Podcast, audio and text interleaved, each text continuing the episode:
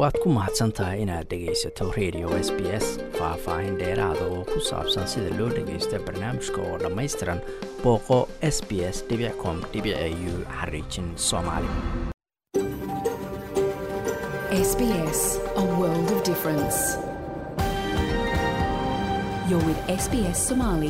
On mobile, online, and on radio. waxaad nagala socotaan s b s soomaali oo aad ka heli kartaan mobil online iyo rediyoga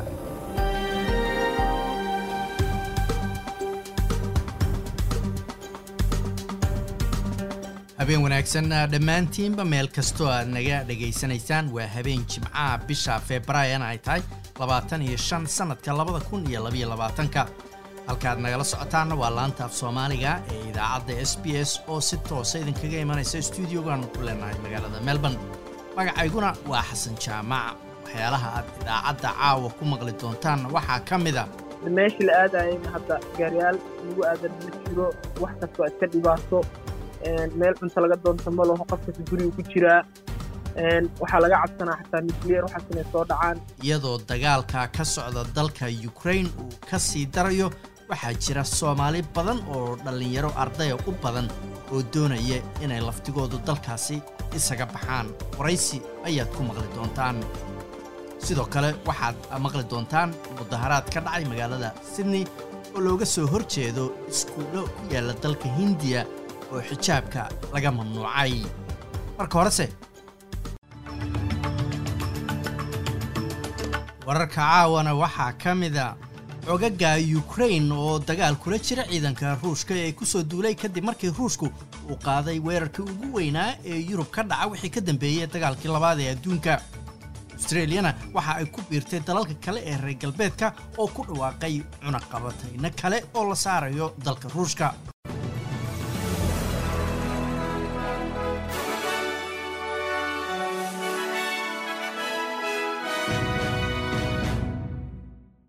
madaxweynaha dalka ukraine volodimir zelenski ayaa sheegay in tirada dhimashada dadku ay korortay oo ay gaartay boqol soddon iyo toddoba qof halkaas saddex boqol iyo lix iyo toban ay ku dhaawacmeen. Wixii ka dambeeyey markii ruushka uu saddex a ka soo weeraray dalkaasi.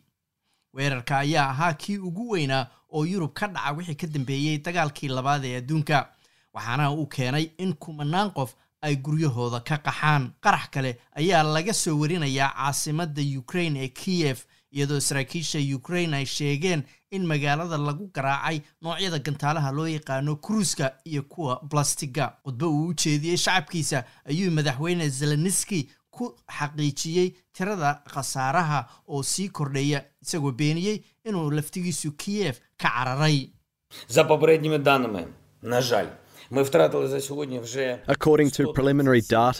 marka la eego tirakoob hordhaco maanta la sameeyey nasiib darro waxaa naga dhintay boqol iyo soddon iyo toddoba geesi oo muwaadiniinteenna ah oo ay ku jiraan toban sarkaal. Waxaa sidoo kale dhaawacmay saddex boqol iyo lix iyo toban qof. Waanu ognahay inay socdaan warar been abuur ah oo ay ka mid yihiin inaan kiyef anigu ka cararay. Weli waxaan joogaa dalkayga waxaana la joogaa shacabkayga anoo ku sugan kiyef madaxda midowda yurub ayaa isku raacay inay cunaqabatayn ku soo rogaan ruushka kadib lix saacadood oo ay shir lahaayeen. Madaxweynaha midowda yurub ursula von der leyen ayaa sheegtay in duulaanka ukraine ay nabadii yurub calaamatu su'aal gelinayso waxayna ballan qaaday in cunaqabatayntu ay saameyn culus ku yeelanayso madaxda ruushka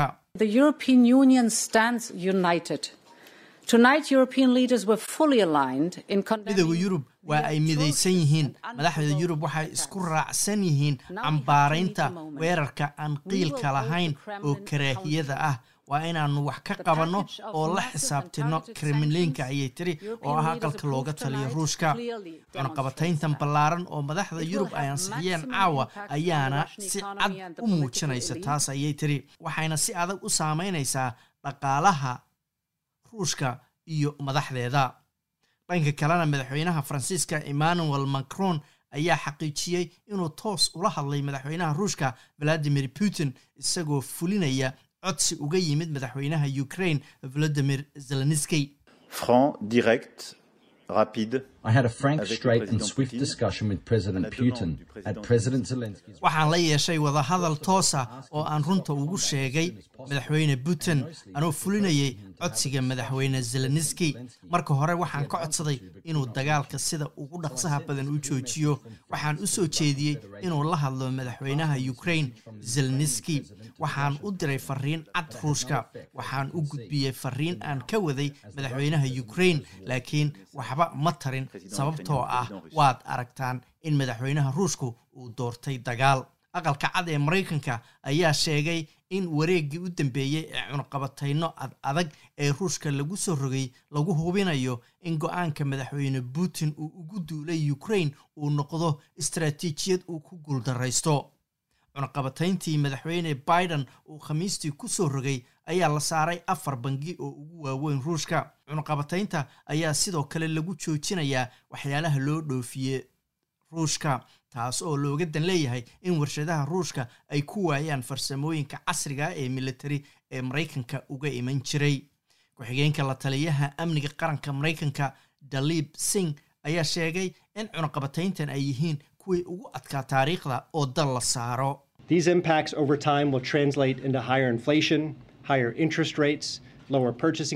Saameynaha cunaqabataynahan waxay wakhtiga dheer u geysanayaan ruushka sicir barar korarka dulsaarka deymaha awoodda ay wax ku gataan oo yaraanaysa maalgashiga oo yaraanaya. waxaana caddaynaynaa inaysan natiijadani ahayn mid of aanu doonaynay oo ay masiibo ku tahay to iyo ruushkaba laakiin waxaa nagu qasbay putin oo isagu dagaal doortay. Booliska ruushkuna waxa uu xirxiray ku dhowaad dad gaaraya kun iyo afar boqol oo qof oo dibadbaxyo ay kaga soo horjeedaan dagaalka ku lahaa konton iyo kow magaalooyinka ruushka ah iyadoo dibadbaxayaasha adduunka oo dhan sidoo kale ay cambaareeyeen weerarka qaawan ee kremlinka uu ku qaaday dalka ukraine. Fanaaniin suxufiyiin iyo xubno kale oo ka tirsan dadka caanka ah ee ruushka oo ay ku jiraan rag dad kubadda cagta cayaara ayaa sidoo kale ka soo horjeestay dagaalka iyagoo qoraalla ku qoray dhanka online-ka. Dhanka kalena boqolaal kale oo dibadbaxayaalah oo bulshada ukraine ka tirsan ayaa iyaguna isugu soo baxay times square-ka ku yaalla magaalada new york iyagoo ku dhawaaqayay halkudhegyo sidoo kalena muujinaya calaamado ay ugu baaqayaan ruushka inuu dagaalka joojiyo. Dhanka kalena dalal badan oo ay ku jirto turkiga dalal ku yaalla yurub north america iyo south america ayaa sidoo kale dibadbaxyo noocaas oo kale ay ka dhaceen oo looga soo horjeedo kremlinka ama ruushka ra'iisul wasaaraha dalkan australia scott morrisonna waxa uu dhaliilay china inay ku guuldaraysatay inay cambaarayso duulaanka ruushku ku qaaday ukraine. Mr morrison ayaa ku dhawaaqay in ruushka uu saarayo cunaqabatayno la mid a kuwa ay dalalka kale ee reer galbeedku saareen ruushka cunaqabataynaha cusub ayaa waxaa lagu beegsanayaabaa layidhi saddex boqol oo xildhibaanada ka tirsan baarlamaanka ruushka. Shaqsiyaad tujaaraha oo ruusha warbaahinta qaarkeed iyo saraakiil ka tirsan dalka dariska ah ee belarus. Mr morrison ayaa ka walaacsan wararka sheegaya in china ay khafiifinayso xanibaadihii dhanka ganacsiga oo saarnaan qamadiga ruushku uu u dhoofiya dalkaasi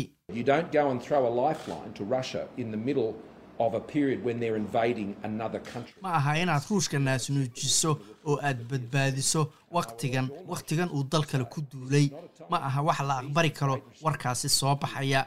Waxaan ku boorinayaa dhammaan dalalka kale inaysan ahayn wakhti la khafiifiyo xanibaadaha ruushka saaran. Taas beddelkeeda waa inaannu samayno ayuu yidhi oo ah in cunqabatayno iyo xanibaado cusub lagu soo rogo hogaamiyaha mucaaradka leybarka antony albanisi ayaa isna sheegay inay lagama maarmaan tahay in beesha caalamku ay u midowdo gardarrada ruushka.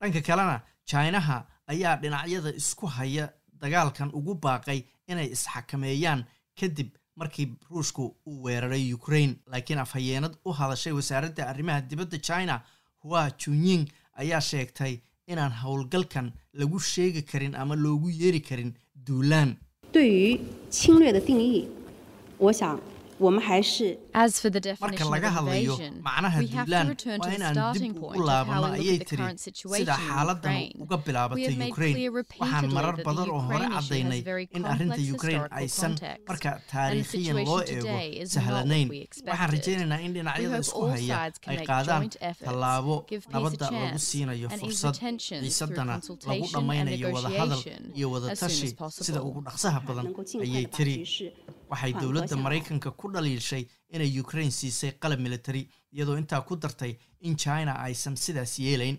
Waxay intaas iyadoo hadalka sii wadatana ay tiri in ruushku uu yahay dal quwad weyn cidna uusan taageero uga baahnayn. Dhanka dagaalka ukraina ciidanka ruushka ayaa qabsaday warshadii nukliyeerka ee chernobil tan ayaa imanaysa saacada kadib markii madaxweynaha ukraine volodimir zelenski uu bartiisa twitterka ku qoray in ciidanka ruushka ee dalka ku soo duulay ay isku dayayaan inay qabsadaan goobtaasi warshadu ay ku taalay warshadan ayaa ahayd goobtii ay ka dhacday masiibadii nukliyeerka ee adduunka ugu xumayd markii ay qeybta korontada dhalisa ee reactorka la yidhaahdo ay qaraxday taasoo shucac sun ah hawada yurub oo dhan ku sii daysay. Warshadan ayaa ku taalla meel boqol iyo soddon kilomitir u jirta caasimadda ukraine ee kiev warshadan ayaa qaraxa kadib waxaa lagu daday dahaar joojinaya in shucaacu markaasi uu baxo iyadoo warshadda hadda howlgab laga dhigay oo aan shaqayn. Saadaasha hawada berrita oo sabtiya magaalada beet waxaa la rajaynayaa inay cadceed tahay inta badan. Soddon iyo saddex bay gaaraysaa. Adelaide waa qorax iyo labaatan iyo sagaal. Melbourne waa daruuro iyo labaatan iyo toddobo. Magaalada sydney roobab ayaa la filayaa iyo labaatan iyo lix digrii brisbanna roobab ayaa la filayaa waqtiyo kala duwan iyadoo mararka qaarkood la filayo in roob baaxad leh uu ka do-o magaaladaasi. Labaatan iyo afar ayayna gaaraysaa. Halka australian dollar maanta waxaa lagu sarrifayay toddobaatan iyo laba senti oo lacagta maraykanka ah